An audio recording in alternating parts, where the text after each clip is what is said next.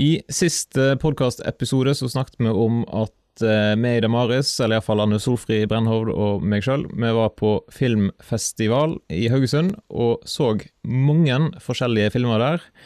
Eh, kanskje en av de mest sånn mainstreame filmene vi så, det var Toy Story 4. Og den har du nå, Anne Solfri, lagt eh, noen ressurser til. Og tenkte jeg Vi må jo prate litt om den her på podkasten òg, og så kan folk gå inn på Snakk om tro og eh, klikke seg fram til, eh, hvis de vil eh, gå inn og lese en Blir det en samtaleguide, eller blir det en artikkel, eller hva er det som er der? Det blir nok begge deler, og mer kommer nok etter hvert. Dette er en type film som man kan bruke til å snakke med sine egne barn. Man kan bruke den til å, som utgangspunkt for andakter eller for et tema som man ønsker å ta opp i ulike sammenhenger. Jeg kan jo bare spole tilbake igjen og ta den kanskje for folk som, hvis det er noen som hører på Damaris-podkasten for første gang, da. Eh, hvorfor i all verden vil vi bruke Toy Story eller den type filmer for å peke på Jesus i en andakt? Er det overhodet mulig, kan det være noen lurer på? Eh, fordi det er langt flere som går på kino og ser Toy Story 4, eller en som er innom søndagsskolen eh, og får høre om Jesus. Eh, og da er, fungerer kinosalen som en slags preikestol som eh, peker på hva det er som er sant og rett og godt i forhold til den historien i den filmen. Og òg vi som har barn som går på søndagsskolen, ser disse filmene og Noen ganger så er det ting i filmene som, som stemmer overens med det vi ønsker å formidle, og det som Bibelen eh, forteller om. Andre ganger så er det ting som står i kontrast, som ikke stemmer overens med det Jesus forteller til oss. Eh, og Da er det greit å kunne ha noen sånne knagger å henge det på når man, tar, eh, når man snakker med barn om hva kristen tro innebærer rett og slett viktig å finne ting som jeg kan eh, knytte an til, på en måte, og ting som jeg kan avsløre i, ja, i kulturen. Og dette er jo en film som garantert mange eh, kommer til å få med seg. Så hva er det denne her Toy Story 4 handler om, på en måte? da? Hva, er, hva vil du si er hovedtematikken i filmen? Ja, Den bygger jo på den trilogien som kom for eh, over Den første filmen kom for over 20 år siden. Der eh, disse eh, lekene til Andy som eier, eh, eier de, de våkner når ikke han er til stede. Så når vi lukker døra bak oss, så våkner lekene til liv og har et eget eh, samfunn, og hvem som har ulike roller, og de hjelper hverandre. Og i det lyset går på og døra går opp, så ligger de som døde ting. Hva ville legene ha gjort hvis at de faktisk våkner opp når ikke vi er der. Eh, den, de første tre filmene, den trilogien, ble enormt godt likt. Jeg eh, har fått veldig mye gode tilbakemeldinger, både fordi den er godt lagd, og fordi den hadde veldig mange sterke eh, historier inni historien. Den pekte på mye viktig. Eh, den var, eh, var, dyp, i tillegg til at den var morsom. Så nå så lenge etterpå så kommer fireren. Eh, det er litt sånn rart å begynne å plukke opp trådene lenge etterpå. Mange har vært skeptiske til om det kommer til å fungere. For Andy han har nå reist på college og gitt alle legene sine til Bonnie, som er ei jente som skal begynne i barnehagen. Eh, og det er noe av det første vi møter i denne filmen her. Eh, det at det kan være veldig tungt for barn med store overganger i livet som er skumle og ukjente, og der man eh, bryter opp ifra det som er det vante hverdagen. Eh, men òg for hovedpersonen i disse filmene, eh, Woody, som har vært Andys kjæreste leke, er det eh, store overganger. For han har blitt overtatt av Bonnie, men han er ikke lenger favorittleken. Han blir liggende inni et skap, og dermed så strever han med hva er nå min oppgave i livet? Hva er min identitet, når ikke jeg er så sentral lenger? Og Bonnie hun begynner på, eh, i barnehagen og kommer hjem og har lagd seg et, en leke der av en gaffel og en piperenser og noen eh, eh, limeøyer. Eh, det, ser, det, er en av de fineste karakterene jeg har sett på kino på lenge. Noe så enkelt, og som greier å formidle så mye. For denne her gaffelen den våkner òg til liv, eh, men vil slett ikke være en leke. Igjen kommer dette temaet opp. Hva er min identitet? Jeg hadde ikke tenkt jeg skulle være på denne plassen i livet. Jeg hadde ikke tenkt at livet mitt skulle bli sånn som dette. Hva skal jeg gjøre nå? Og dermed så får Woody en oppgave.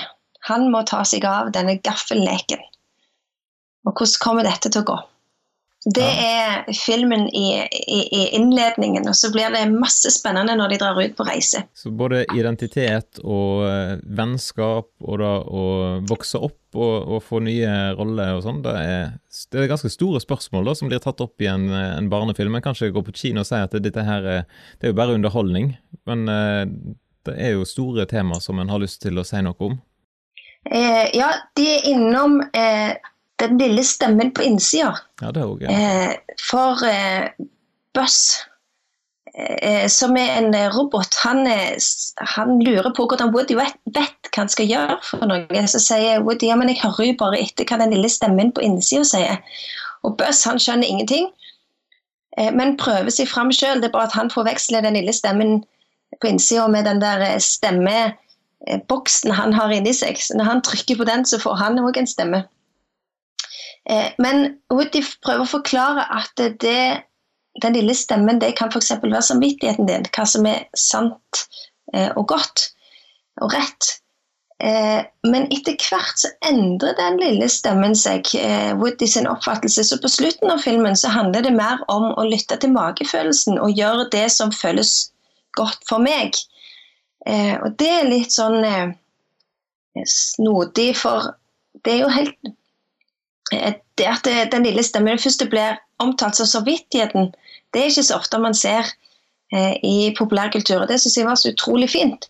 Mens på slutten så handler det mest om hva er det som er rett for meg, hva sier magefølelsen er godt og rett. Og det kan jo forandre seg.